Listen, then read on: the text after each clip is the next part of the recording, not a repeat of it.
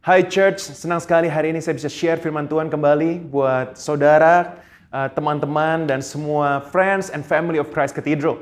Sebelum saya mau share firman Tuhan pada hari ini, uh, I just want to say huge thank you uh, buat semua volunteers yang pada minggu lalu sudah melakukan Dream Team Recommitment. Dalam waktu hanya beberapa hari, kita mengumumkan Dream Team, actually berapa minggu kita mengumumkan Dream Team Commitment, uh, sampai hari ini saudara sudah 720 orang lebih actually sign up for the Dream Team Commitment. Buat saya itu a huge honor uh, from for, from me and Stephanie, my wife. We just want to say thank you so much for your faithfulness, for your uh, heart for the house. Walaupun banyak dari saudara semua belum bisa melayani secara fisik, and especially our host team yang biasanya uh, nyalamin orang setiap hari minggu belum bisa datang secara fisik but you have done recommitment it's amazing sangat jauh melebihi apa yang kita pikirkan dan apa yang kita perkirakan. So uh, God bless you and keep serving God. And aku percaya satu kali nanti waktunya hopefully this year kita bisa ketemu lagi di rumah Tuhan dan kita bisa melayani Tuhan bersama-sama secara fisik. So before that let's keep continue untuk fellowship untuk bersekutu untuk bisa berdoa bersama online and uh, I believe that God is with us. So hari ini aku ingin share tentang firman Tuhan, of course. If you like sermon title, kalau sudah suka dengan judul khotbah, judul khotbahnya adalah Did God Really Say? Kalau di bahasa Indonesia kurang enak ya saudara. Apakah benar Tuhan berkata? So I think this is a really interesting sermon title. Uh, I uh, made this title I, uh, when I read uh, uh, Genesis, uh, saudara, waktu saya baca kejadian 1 sampai 3, ada satu kata yang came up from the verse yang buat saya menarik sekali. Karena waktu itu uh, iblis berkata, kejadian 3 ayat 1, adapun ular ialah yang paling cerdik dari segala binatang di darat yang dijadikan oleh Tuhan. Ular itu berkata kepada perempuan itu, Hawa, tentulah Tuhan berfirman, semua pohon dalam taman ini jangan kamu makan buahnya, bukan? Nah, kata-kata iblis waktu itu, atau ular waktu itu adalah, Did God really say? You know, it's very interesting uh, teman-teman dan saudara semua, kalau kita sedang mendapatkan sesuatu atau kita mendengar sesuatu dari orang. Contohnya, uh, saudara dengar ada orang bilang, wow baju kamu bagus banget hari ini. Oke, okay? terus kita merasa pede banget, kita merasa very confident, kita senang dengan bajunya. Lalu kita ketemu orang lagi dan bilang, wow baju kamu bagus banget hari ini. Lalu apa yang terjadi? Besoknya kita ketemu dengan teman dengan baju yang sama, terus temannya bilang, aduh baju kamu aneh banget hari ini. Jadi dari bagus banget, bagus banget, aneh banget. Terus kita bilang dong, loh kemarin teman-teman pada bilang, it was so good. Ini bagus banget. Terus teman kita yang bilang aneh akan bilang, did they really say that? Apa benar mereka bilang begitu? Lalu kita yang tadinya yakin, confident, dan sangat senang, pede dengan penampilan kita, kita jadi merasa minder, dan kita merasa langsung, benar nggak sih dia bilang begitu? Right? And so many times, um, and actually this is a, a nice experiment. Ini eksperimen yang bagus banget. Kalau saudara punya teman, atau mungkin ada orang-orang tertentu dalam kehidupan saudara, di mana mereka pede banget dengan sesuatu. Oke, contohnya, saya yakin banget ini pasangan hidup saya. Oke, dan dia bilang, kenapa kok bisa yakin? Iya, soalnya dia bilang dia sayang banget sama saya. You know, kalau mau buat dia ragu, ini jahat sih saudara ya, tapi ini cuma eksperimen aja. Kalau mau buat seseorang ragu, jangan lawan kata, tapi berikan pertanyaan. Bener gak sih dia sayang kamu? Atau bener gak sih dia bilang begitu? Pasti orang yang tadinya yakin, kalau ditanya apakah benar, menjadi ragu. Menjadi ragu. And the enemy knows Musuh kita tahu bahwa dia tidak bisa merampas janji Tuhan dalam kehidupan kita. Tapi satu hal yang musuh bisa lakukan, dia membuat kita bimbang dan ragu. Waktu Tuhan sudah berjanji buat kita, aku akan menyembuhkanmu, aku akan restore your condition, aku akan memulihkanmu. Lalu enemy akan bilang, benar nggak sih Tuhan mau menyembuhkanmu? Benar nggak sih Tuhan mau memulihkanmu? Maka itu enemy tidak pernah atau musuh tidak pernah bilang kita begini, God is not good. Nggak pernah. Waktu kita bilang God is good all the time. Musuh tidak bilang God is not good. Enemy atau si iblis akan bilang, is God really good? Dia akan mempertanyakan. Kenapa? Karena waktu kita dapat pertanyaan, kita jadi questioning ourselves.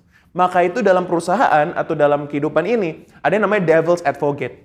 Apa itu devil's advocate? Kalau ada argument atau ada opini, selalu ada penyerang-penyerangnya. Devil's advocate asal mulanya adalah dari kejadian 3 ayat 1, di mana iblis mempertanyakan perintah Tuhan kepada Hawa. Dan yang menarik yang iblis lakukan adalah dia mempertanyakan. Pertama dia mempertanyakan, yang kedua dia memutarbalikan fakta. Dia katakan, oh benarkah Tuhan berkata bahwa semua buahnya nggak bisa kamu makan, cuma satu. Jadi dia mempertanyakan dan memutarbalikan fakta. So be careful karena kita hidup dalam kondisi sekarang terutama kondisi sedang sulit, saudara. Bahkan gereja pun atau pelayanan pun di seluruh dunia sedang mengalami kesulitan, saudara. Right? And business, relationship, pekerjaan It is very very easy for the enemy untuk mempertanyakan kuasa Tuhan. Makanya saya pernah katakan tiga minggu yang lalu di sermon saya, saya bilang, jangan pernah mempertanyakan kuasa Tuhan, tapi kita menyatakan kuasa Tuhan. Amin saudara. So the enemy has no power to cancel God's promise over your life. Tapi dia bisa membuat kita ragu. You know what happened when you doubtful? Waktu kita sedang ragu, kalau kita jadi nggak yakin, kita jadi bimbang. Saya baru-baru ini baru belajar golf. Actually baru tiga minggu saya latihan rutin golf Walaupun belajarnya secara informal udah dua bulan. So many times, kalau saya sedang belajar golf di driving range eh, dengan coach, bersama dengan coach sebelah saya, saya sudah mukul dengan benar, 100 bola, 200 bola, coachnya udah bilang, bagus, besok main persis seperti ini ya. And I came with confidence. Jadi waktu saya main, turun ke lapangan, saya turun dengan confidence, karena saya sudah latihan. Tapi apa yang terjadi? Waktu orang-orang ngeliatin, ya kan? Waktu banyak orang sekitar, apalagi kalau udah mulai di video dan bakal masuk Instagram, apalagi kalau videonya live, saudara. Waduh, itu yang tadinya bisa, jadi nggak bisa. Kenapa yang tadinya bisa, jadi nggak bisa? 200 bola tadinya semuanya bagus, semuanya jauh-jauh. Eh, begitu diliatin, jadi jelek pukulannya. Kenapa? Karena in golf, when you're doubtful, waktu kita ragu, pukulan kita jadi jelek. Waktu kita kebanyakan mikir, kita bimbang, pukulan kita jadi jelek. Demikian juga di stock market. Kalau sudah main saham atau saudara uh, di dunia saham atau di dunia bisnis yang menggunakan saham, you know about stock market, saudara akan tahu bahwa stock market itu akan crash kalau market lose their confidence. Waktu orang mulai bimbang, orang mulai ragu, itu pasti stock market akan crash. Kenapa? Karena nilai stock market ditentukan dengan confidence level daripada consumers. That's why we have a, term called market confidence.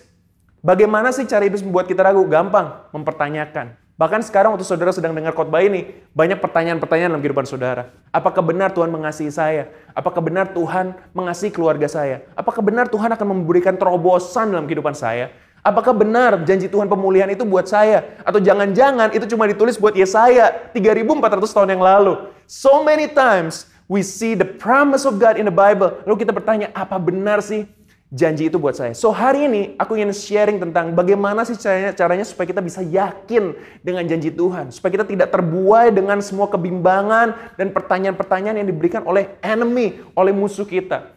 Did God really say that He loves you? Did God really say that He has great plans for you? Apakah benar Tuhan punya rencana yang baik buat kita? So, apa kata Alkitab tentang keraguan atau kebimbangan? What does the Bible say about doubt? Yakobus 1 ayat 6 sampai 8 berkata, hendaklah ia memintanya dalam iman. Apa saudara? Dan sama sekali, katakan bersama-sama, jangan bimbang. Sebab orang yang bimbang sama dengan gelombang laut yang diombang-ambingkan kian kemari oleh angin. Orang yang demikian jangan mengira atau jangan berharap bahwa ia akan menerima sesuatu dari Tuhan. Sebab orang yang apa? Mendua hati tidak akan tenang dalam hidupnya. Coba saudara baca juga Matius 14 ayat 31. Segera Yesus mengulurkan tangan yang memegang dia dan berkata, Hai orang yang kurang percaya, koma, mengapa engkau bimbang? Bahkan Markus 11 ayat 23 berkata, Aku berkata kepada musuhnya, barang siapa berkata kepada gunung ini, beranjaklah dan tercampaklah ke dalam laut, asal apa saudara tidak bimbang hatinya, tetapi percaya bahwa apa yang dikatakannya itu akan terjadi, maka hal itu akan terjadi baginya. Kata bimbang dalam bahasa Yunani adalah diakrino yang artinya hesitate atau doubt. Seperti saudara lagi mau tendang bola sepak bola, kalau bimbang pasti powernya nggak akan maksimal. Saudara mau main basket, melempar bola ke, ke arah keranjang, kalau bimbang pasti nggak akan maksimal powernya. Demikian juga waktu kita mengiring Tuhan, kita percaya akan janji Tuhan, tapi kita nggak maksimal. Kenapa nggak maksimal? Bukan karena kurang percaya, tapi karena bimbang. Bahkan ada satu bapak-bapak di Markus 9 ayat 24, anaknya sakit. Lalu ayah anak itu berteriak kepada Tuhan Yesus, aku percaya titik. Tolonglah aku yang tidak percaya ini. Ini yang benar yang mana sih Pak? Percaya apa enggak? Begini maksud Bapak ini. Saya percaya secara otak, secara kognitif, secara kejiwaan, secara iman saya percaya. Tapi hati saya emotionally, I don't believe. The Bible say, I do believe, help me overcome my unbelief. Ini bahasa Indonesia gampang. Percaya tapi bimbang, ya kan? Mungkin saudara dalam hubungan, dalam relationship, ya kan? Kalau yang sudah menikah, istri suami sudah menikah bertahun-tahun, tahu sih, percaya sih suami sayang istri, istri sayang suami. Tapi kok kadang-kadang cuek banget ya, jadi bimbang nih. Bimbang itu membuat sesuatu jadi tidak harmonis. Bimbang itu membuat sesuatu jadi tidak kuat. Bayangkan, teman-teman kalau ujian, alright, kamu sudah belajar semuanya, kamu sudah pelajari semuanya, terutama yang mahasiswa, datang ke ruang ujian, yang satu dengan confidence, yang satu dengan bimbang. Pasti hasilnya berbeda. Kenapa? Yang bimbang walaupun dia sudah tahu sebetulnya benar, dia akan ragu terus. Sehingga dia akan kehilangan waktu karena dia nggak nggak percaya diri. Dia kehilangan waktu. Karena mikir, benar nggak ya? Benar nggak ya? Yang confident tahu, ini pasti jawabannya ini. Jadi kadang-kadang yang membedakan orang sukses apa enggak bukan hanya persiapannya, tapi apakah orang itu bimbang dan ragu waktu dia sedang menghadapi tekanan. Dan terutama banyak orang bimbang dan ragu waktu mereka menghadapi tekanan. So I want to share practical steps, bahkan a right theology, a very nice teaching about our mindset and our prayer tentang bagaimana sih kita bisa mengalahkan kebimbangan. Terutama kalau enemy atau musuh kita bilang, did God really say? Did God really say? How many times guys kita merasa dalam hidup ini, benar nggak sih Tuhan sayang saya? Benar nggak sih Tuhan punya rencana buat kehidupan saya?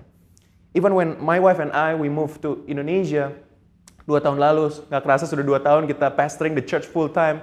So thankful for God. And kita juga ada kebimbangan gitu. Walaupun kita tahu itu kehendak Tuhan, eh, banyak our mentors, and Tuhan juga bicara uh, secara spesifik buat kita. Tapi ada momen-momen, ada kebimbangan. Ada kebimbangan. So, I learn one thing. The only way we can overcome doubt adalah dengan 100% certain bahwa kehendak Tuhan terjadi dalam kehidupan kita. Satu-satunya cara untuk menang atas rasa bimbang adalah dengan apa? 100% confident atau 100% yakin bahwa kehendak Tuhan terjadi dalam kehidupan kita. Bagaimana caranya? Let's check this out. Saya akan bandingkan God willing dengan God's will be done. Oke, okay, everybody say God willing, God's will be done. Alright, jadi ada dua kata di sini yang teman-teman, saudara semua perlu uh, ingat hari ini, God willing dan God's will be done, or Thy will be done. Oke, okay? I will start with God willing. So many of us say this all the time. Ya kan, sampai lebay. Uh, kamu mau sekolah luar negeri nggak? Ya, God willing. Oke, okay? sampai kalau lebay. Kamu mau makan Korean barbecue nggak? God willing. Kalau itu nggak perlu God willing, ya kamu putuskan aja begitu. Kamu makan nasi goreng God willing, itu nggak perlu kata God willing. Itu putuskan saja. Nah, kapan kita ambil kata God willing? Actually, you know what? In the Arabic Bible, in the Arabic Bible, you know God willing ditulisnya apa? Inshallah right? And we say that uh, uh, in, in Indonesia itu satu term yang cukup common. Actually dalam Arabic Bible it is said inshallah, God willing, if God willing. Okay, the Aramaic word actually Tuhan Yesus berkata Aramaic. He spoke Hebrew, he spoke Aramaic dan juga dia ngerti Greek. But in Aramaic, the word for God, kata Tuhan dalam Aramaic ini asli saudara adalah Allah. Allah. So insya Allah is actually in the Arabic Bible. Uh, Lukas 22 ayat 42 berkata, Ya Bapakku, jikalau engkau mau, ambillah cawan ini daripadaku, tetapi bukan kehendakku. Itu God willing. Amen. Melainkan kehendakmu lah yang terjadi. So Jesus himself said, God willing. Yakobus 4 ayat 15, sebenarnya kamu harus berkata, jika Tuhan menghendakinya, kami akan hidup dan berbuat ini dan itu. Bahkan Ibrani 6 ayat 3, dan itulah yang akan kita perbuat, koma apa? Jika Allah mengizinkannya. God willing. So, teman-teman, saudara semua, kapan kita pakai God willing? Harus ngerti kita. God willing dipakai waktu kita tidak yakin apakah yang kita rencanakan sesuai dengan kehendak Tuhan. Bahkan Paulus pun, God willing, I will come and visit you, kata Paulus. Karena dia nggak yakin apa benar kehendak Tuhan adalah supaya dia bisa come and visit secara fisik. Dan akhirnya kita tahu bahwa kadang-kadang dia tidak mendapat kesempatan untuk visit. Akhirnya dia tulis surat yang berharga, yang menjadi berkat buat kita semua. So God willing sangat digunakan, tapi beda penggunaannya. God willing digunakan saudara when you are not sure, when you are uncertain dalam segala hal. You're not certain about something, you say God willing. Contoh, mau upgrade mobil. Ya, tolong jangan klaim-klaim karena kalau kita sentuh mobil orang klaim die will be done, ya kan? Itu yang datang satpam saudara ya, bukan ya, mobil baru yang datang. Oke, dan jangan masuk rumah orang, saya klaim rumah ini jangan, nanti orangnya marah. So, if you are not sure, misalnya lagi mau uh, ganti mobil, mau pindah rumah, you can say that. Lord, I really want this house, God willing, Lord will give me to, give it to me. Amen. It's okay to say. Oke? Okay? Tapi jangan gunakan God willing untuk hal yang jelas-jelas Tuhan kehendaki atau Tuhan tidak kehendaki. Contohnya ada yang bilang gini, rumah tangga nih, ya kan, uh, sedang ribut gitu, atau lagi lagi berantem suami istri. Terus istrinya doa, atau istrinya doa, Tuhan, kalau Tuhan menghendaki, biarlah saya bisa bertahan dalam pernikahan ini. Lah gimana sih? Jelas kehendak Tuhan supaya semua pernikahan bertahan, amin. Tuhan jelas membenci perceraian. Jadi nggak mungkin Tuhan menghendaki perceraian. Nggak ada di Alkitab, saudara. Tuhan menghendaki perceraian. Yang percaya katakan amin. Kok dikit yang amin? Sekali lagi yang percaya katakan amin. Amin. Oke saudara di Youtube juga bisa ketik. Nah saudara harus, harus tahu bahwa kalau jelas-jelas kehendak Tuhan, udah nggak perlu lagi begitu. Bahkan keterlaluan ya, mungkin dalam pernikahan baru menikah dua tahun, ombang ambing, ada masalah rumah tangga, lalu mulai bertanya-tanya lagi. Jangan-jangan God will for me Bukan Joni, tapi Joko. Ya ampun, udah itu nggak usah dipertanyakan lagi. Oke, karena kalau sudah dalam pernikahan, udah jelas itu kehendak Tuhan. Kalau bukan kehendak Tuhan, gak mungkin bisa langgeng, gak mungkin bisa survive sampai sekarang. And not just survive, but thriving. I believe that. Oke, so God willing digunakan hanya untuk kondisi di mana kita nggak tahu. Bahkan Tuhan Yesus pun berkata, kalau engkau mau, ambillah cawan ini. Karena masih ada possibility untuk Bapak mengambil cawan itu. But the Lord Jesus is amazing, right? He didn't just say God willing, jika engkau mau di Lukas 22 42 tadi bisa ditampilkan, tapi dia bilang apa? God will be done. Amen. So I'm gonna talk to you about God's will be done. Nah, kalau God's will be done adalah digunakan kalau apa? Kalau kita sudah tahu bahwa ini benar-benar kehendak Tuhan, kita gunakan God's will be done anytime boleh. Tapi specifically when we are so certain about His will over our life. Coba baca Matius 8 ayat 2 sampai 3. Ini lucu nih ceritanya. Kalau saya bikin sedikit ekstensif ceritanya ya, extended. Datang seorang sakit kusta, lalu sujud menyembah Tuhan dan berkata, "Tuhan, jika Tuhan mau, Tuhan dapat mentahirkan aku." Mentahirkan anak muda artinya menyembuhkan, oke, okay? atau menyucikan actually. Lalu Tuhan Yesus mengulurkan tangannya, menjamah orang itu dan berkata, "Aku mau, jadilah engkau tahir." Seketika itu juga tahirlah orang itu daripada kustanya. Nah, bayangkan teman-teman dan saudara semua, kalau Tuhan Yesus bilang, "Aku mau, jadilah engkau tahir." Terus si orang kustanya bilang lagi, "Tuhan, jika Tuhan menghendaki, sembuhkan aku." Terus Tuhan bilang, "Aku mau, sembuh kamu." Jika Tuhan menghendaki, itu nggak akan selesai doanya, saudara. Dan dia nggak akan sembuh. Kenapa? Karena Tuhan sudah bilang, aku mau seketika itu juga. Tahirlah orang itu daripada kustanya. Guys, I want to encourage everybody. Teman-teman, saudara semua. If God says, I am willing, jangan balik lagi ke zona doubt. Jangan balik lagi ke zona kebimbangan. Jangan balik lagi ke zona keraguan. Karena dia yang sudah berkata, I am willing. Amen. So do not resort back to God willing lagi. Jadi jangan lagi kalau udah Tuhan jelas-jelas bilang, hey, I am willing to heal you. You have to say, Amen Lord, saya terima janji kesembuhan Tuhan. Jangan balik lagi, Tuhan sembuhkan saya kalau Tuhan menghendaki. Hey, udah jelas Tuhan menghendaki, Amen. Udah jelas Tuhan menghendaki. Jangan kita balik lagi ke zona kemungkinan. My goodness, ini bisa turun terus, saudara. Bayangkan dari awal nih, saya yakin kehendak Tuhan terjadi buat bisnis saya. Amin, haleluya. Tuhan sudah bilang, aku akan memberkati bisnismu. Contohnya ya, secara spesifik. Contoh, Lalu bulan depannya resesi.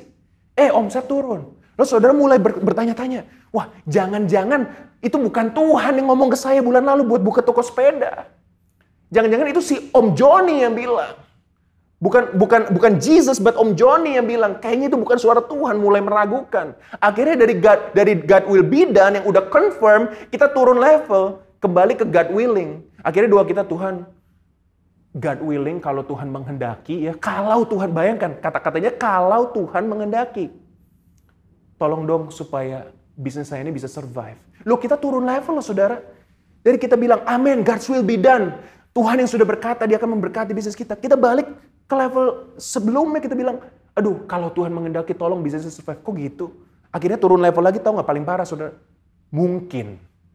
Ya kan kalau mungkin parah ya. Udah bulan ketiga Tuhan, kalau mungkin. Lah, tadinya kalau Tuhan mengendaki, ini kalau mungkin. Tolong selamatkan bisnis saya. Bagaimana ini? Dari God's will be done turun level. Kalau Tuhan mengendaki nggak yakin, lalu turun ke level ketiga, yaitu apa? Mungkin. Kalau mungkin. My goodness. Do you know that keyakinan itu penting banget.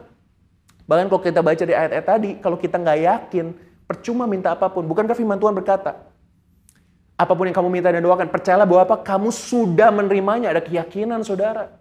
Bukan dengan kalau Tuhan menghendaki.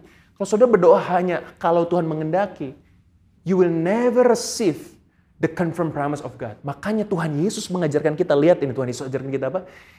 Karena itu berdoa demikian, Matius 6 ayat 9, Bapak kami di surga, dikuduskan namamu apa? Datanglah kerajaanmu, come on, jadilah kehendakmu. Di bumi seperti di surga. Tuhan gak bilang kalau doa Bapak kami, Lord, if you're willing. No, Tuhan bilang God's will be done. Amen. Dan itu di awal doa, itu udah seal the deal guys. Udah seal the deal. Amen. Amen. I pray God's will be done over your life, church. Saya berdoa Tuhan, kehendak Tuhan terjadi dalam gereja kita, pelayanan kita, bisnis kita, kesehatan kita, keluarga, kemudian semua katakan keluarga kita, terobosan dalam rumah tangga, terobosan keuangan in Jesus name. Gak balik lagi kalau Tuhan mengendaki. Hey, you know what? Filipi 2 ayat 13, come on read this first church. Karena Tuhanlah yang mengerjakan di dalam kamu apa baik kemauan maupun pekerjaan menurut kerelaannya. Ternyata Tuhan bahkan memberikan kita kemauan sesuai dengan kehendaknya. How amazing is that? Dia yang mengerjakan kemauan. Yohanes 15 ayat 7 yang sering disalahgunakan oleh banyak orang. Jikalau kamu tinggal dalam aku dan firmanku tinggal dalam kamu, mintalah apa saja yang kamu kehendaki dan kamu akan menerimanya. Haleluya, Ferrari dan Porsche, ya kan? Disalahgunakan. Saya mau pasangan baru salah gunakan, itu nggak nggak ngerti kalau baca ayat itu dan disalahgunakan. You don't understand. Let me tell you something about this verse. Ini powerful verse. Coba dikombinasi Filipi 2 ayat 13 dengan Yohanes 15 ayat 7. Apa ini? Jikalau kamu tinggal di dalam aku, meno, remain in me.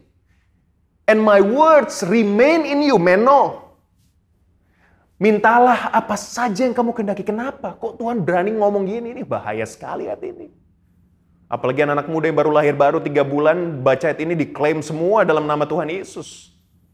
I want to tell you something. You know what happened? When you are intimate with Jesus, oh, His will becomes your will.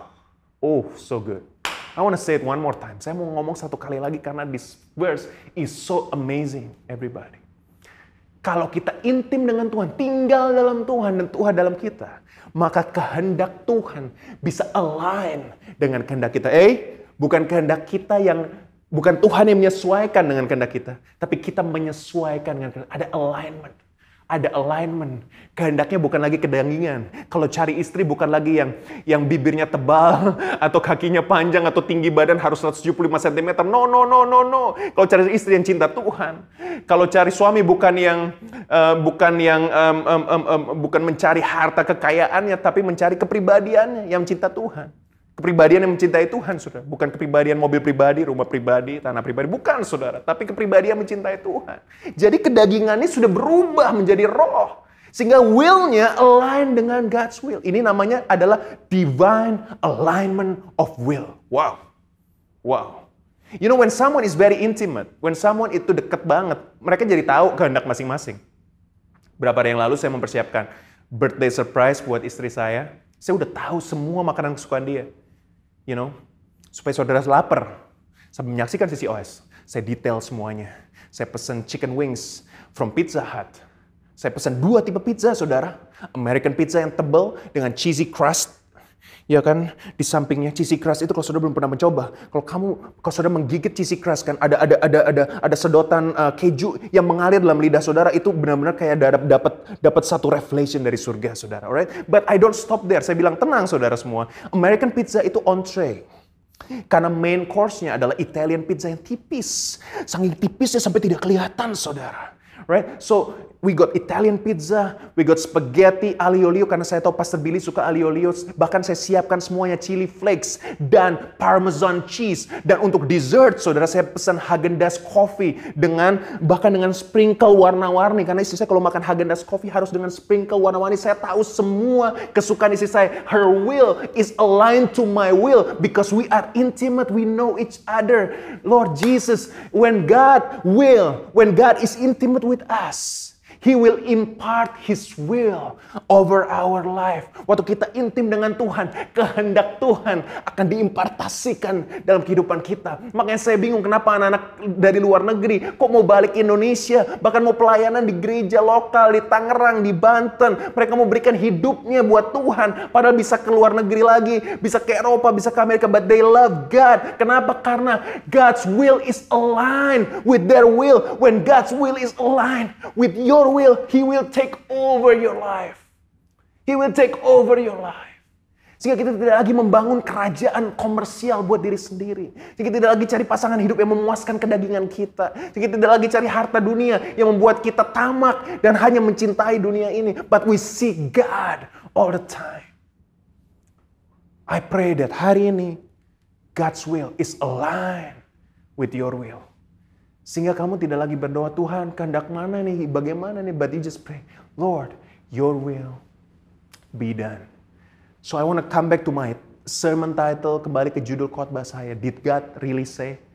Dan kalau ada keraguan dalam hati saudara saat ini, benar nggak sih Tuhan berkata dia mengasihi saya? Benar nggak sih Tuhan berkata dia akan memberikan terobosan dalam kehidupan saya? Benar nggak sih Tuhan berkata dia akan memulihkan keluarga saya? Mari kita baca 2 Korintus 1 ayat 20 dengan suara yang kuat dan dengan amin yang kencang balik itu diketik ataupun saudara bisa shout wherever you are, oke? Okay? Mari katakan bersama-sama saudara 2 Korintus 1 ayat 20. Ini kalau enemy keep saying, benar nggak sih? Did God really say? Did God really say? You answer this to the enemy, oke? Okay? Sebab Kristus adalah adalah ya bagi semua janji Tuhan. Itulah sebabnya oleh dia kita mengatakan apa saudara? Amin. Untuk memuliakan Tuhan. Yes, he did say that.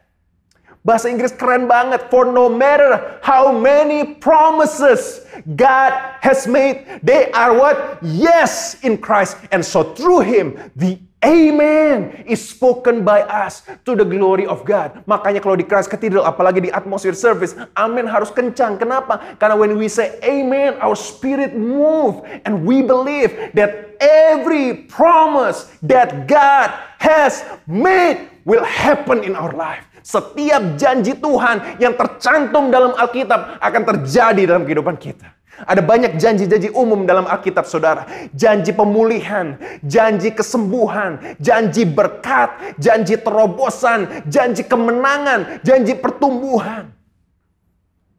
Tapi ada janji spesifik yang khusus buat kehidupan saudara. Contohnya, dia berjanji memberikan kita pasangan yang sesuai, yang sepadan. Tapi pasangan yang sepadan buat saya beda dengan saudara. Oke, okay? so itu specific will. Jadi apa yang terjadi? We have to pray. Kalau udah ada generic will yang benar-benar umum dari Alkitab, setiap ada janji Tuhan, saya selalu record. Every promise of God di Alkitab saya selalu highlight, saudara. Dengan dengan stabilo warna kuning, saya akan highlight terus. Kalau itu elektronik, saudara bisa di highlight juga secara elektronik. Tapi ada janji spesifik. Contohnya Stephanie. Stephanie was janji spesifik yang kita nggak tahu sampai hari pernikahan di confirm. Oke, okay? we build relationship, We don't know, karena spesifik kan. Pasangan hidup yang mana, rumah harus tinggal di mana, itu spesifik. Gak mungkin kan di Lukas 1 ayat 23 dikatakan, kamu harus tinggal di Gading Serpong. Gak mungkin saudara, gak ada itu. Yang ada di Nazaret, jauh saudara. Oke, okay? So kalau ada janji Tuhan yang spesifik, dan kita nggak tahu, kita bilang, God willing. Amen. If you are not sure, if you're planning, God willing. Hey, let me share with you. Saya beberapa bulan ini, actually went around uh, sejak actually dua tahun sudah went around and pray for lands, pray for house. Kita setiap kali ke satu tempat yang kita suka atau um, kayaknya ini bagus nih tinggal di sini, kita bilang God willing, we can buy. Oke, okay, God willing, we can buy.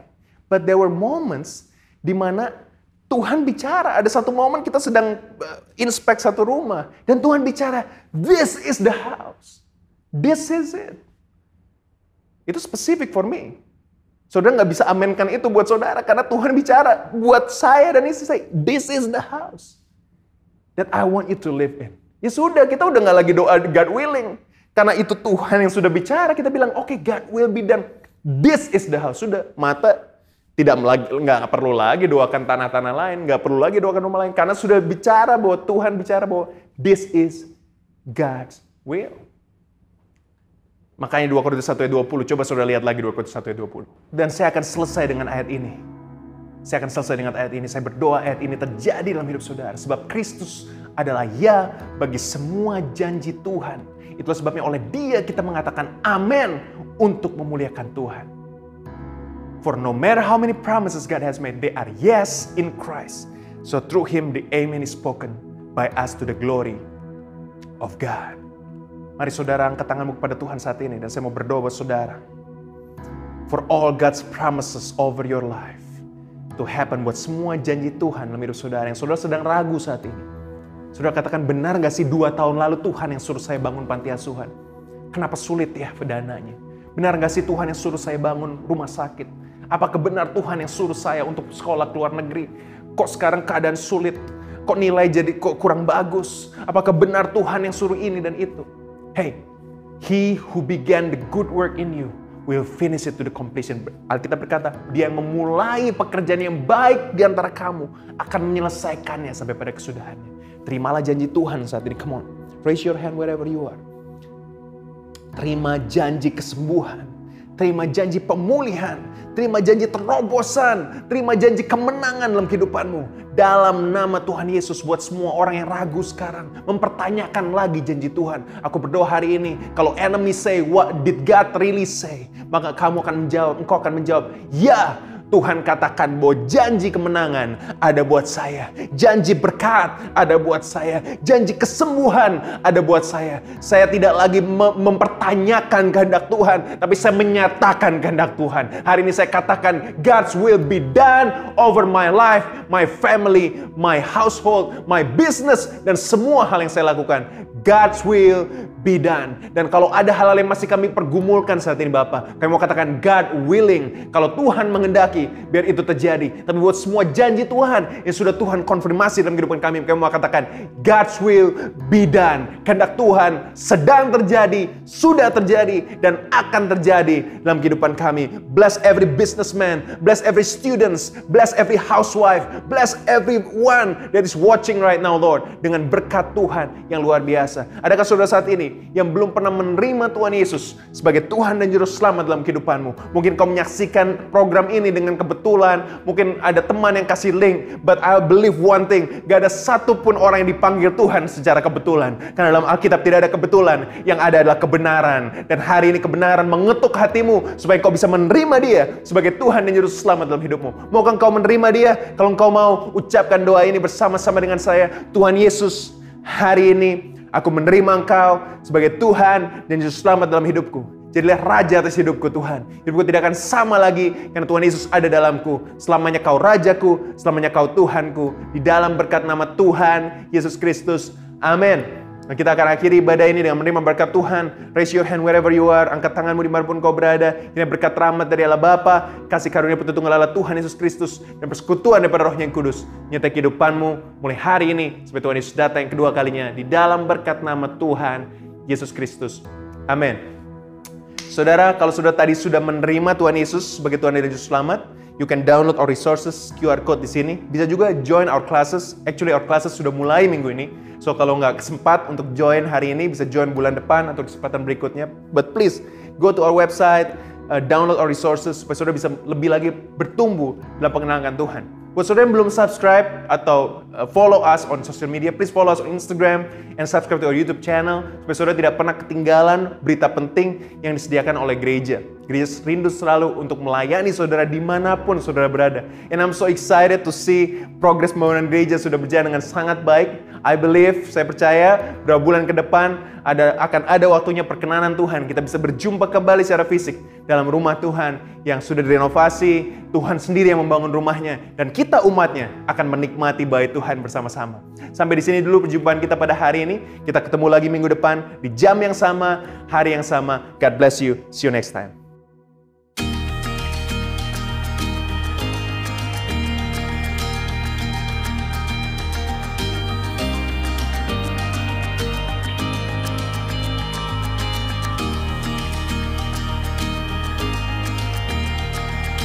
Hai Gereja Tuhan, saya sangat happy dan bersuka cita, bersyukur kepada Tuhan pada hari ini untuk memberitahukan kepada saudara bahwa atap main Sanctuary Christ Cathedral telah sepenuhnya terpasang. Maka fokus kita selanjutnya adalah pembangunan interior main sanctuary dan juga perbaikan-perbaikan ruangan lainnya, termasuk kids hall, glory, peace, dan ruangan-ruangan lainnya untuk mendukung pelayanan gereja. Saya berterima kasih buat saudara semua yang sudah menabur di rumah Tuhan. Saya percaya seperti firman Tuhan katakan, semua yang menabur dengan mencucurkan air mata akan menuai dengan bersorak-sorai. Waktunya akan tiba sudah beberapa bulan ke depan kita akan melihat rumah Tuhan kembali terbangun secara sempurna. Jadi saya mau encourage saudara untuk terus menabur dengan setia di rumah Tuhan. Sama-sama kita menabur, sama-sama kita menuai. Saya looking forward ketemu kembali dengan saudara beribadah di rumah Tuhan. Kita akan menikmati hadirat Tuhan dan juga menikmati kebaikan Tuhan lewat fasilitas yang Tuhan sediakan buat gereja kita. So, selamat menabur, selamat menikmati ibadah hari ini. God bless you.